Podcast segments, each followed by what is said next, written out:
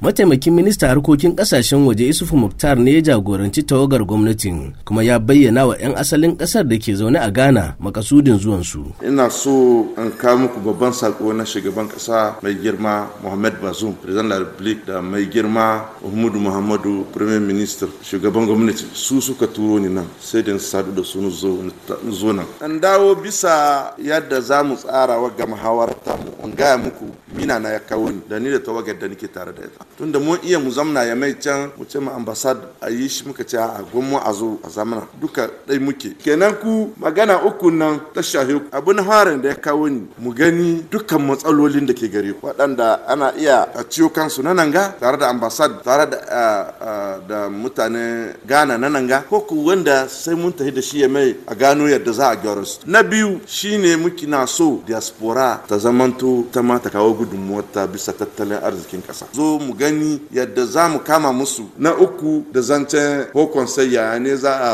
ƙara aikin nan da kwamiti ya fara. Ministan ya bayyana yanayin da nijar take ciki a yau cewa a shirye ƙasar take ta amshi masu zuba hannun jari. Bana dai alhamdulillah ko ina an yi ruwa. Hatsi ya kai gero ya samu dunguri to almanan iwa alhamdulillah. Mun san nan da shekara guda niger za ta hidda man fetur ƙasashen waje. Daga agadem zai zo sai ya tahi benin. Kenan nan zuwa shekara guda da rabi insha Allah kasan mu za ta lumka hidda man fetur har sau biyar. Tunda yanzu baril ashirin take hidda cikin rana. Yanzu nan da shekara guda da rabi za a kai dubu ɗari da wani baril za a hidda ƙasashen waje. Kai wannan babban dam na kandaji. Shi ma zai ba mu dama yanzu yana tahi shi ma nan da shekara guda shekara biyu astaghfirullah nan da shekara biyu aikin shi za ya kare za a samu shi ma abin nan wuta kenan price kin wuta zai yi ƙasa. Jakadan Nijar a Ghana Hajji Alami da Salamatu Balagoga ta sanarwa muryar Amurka cewa gwamnati ta ɗauki matakan daƙile matsalar barace-barace da 'yan ƙasar ke yi a ƙasashe makwabta musamman a nan Ghana. Mai girma Prime Minister kinmu na Nijar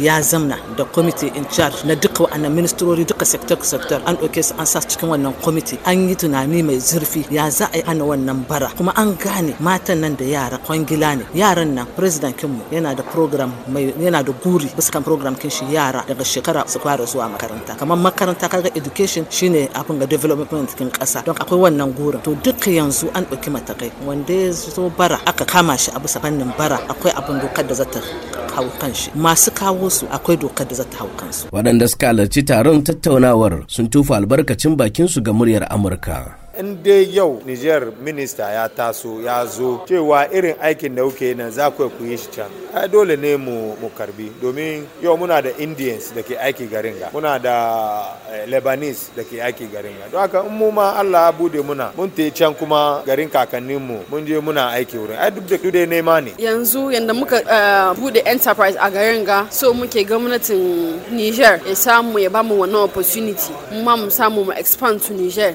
For the Niger market market don akwai kasuwanci a wurin. Wanga forum ga yayi mun samu mutanen da ke da big ideas. Wayannan mutanen nan nake so ya kira in gobe ne in jibi ne 20 of us ne mu zauna mu yi tattauna wani irin mataki za. Idris Abdallah Bako sashen Hausa na muryar Amurka daga Accra, Ghana.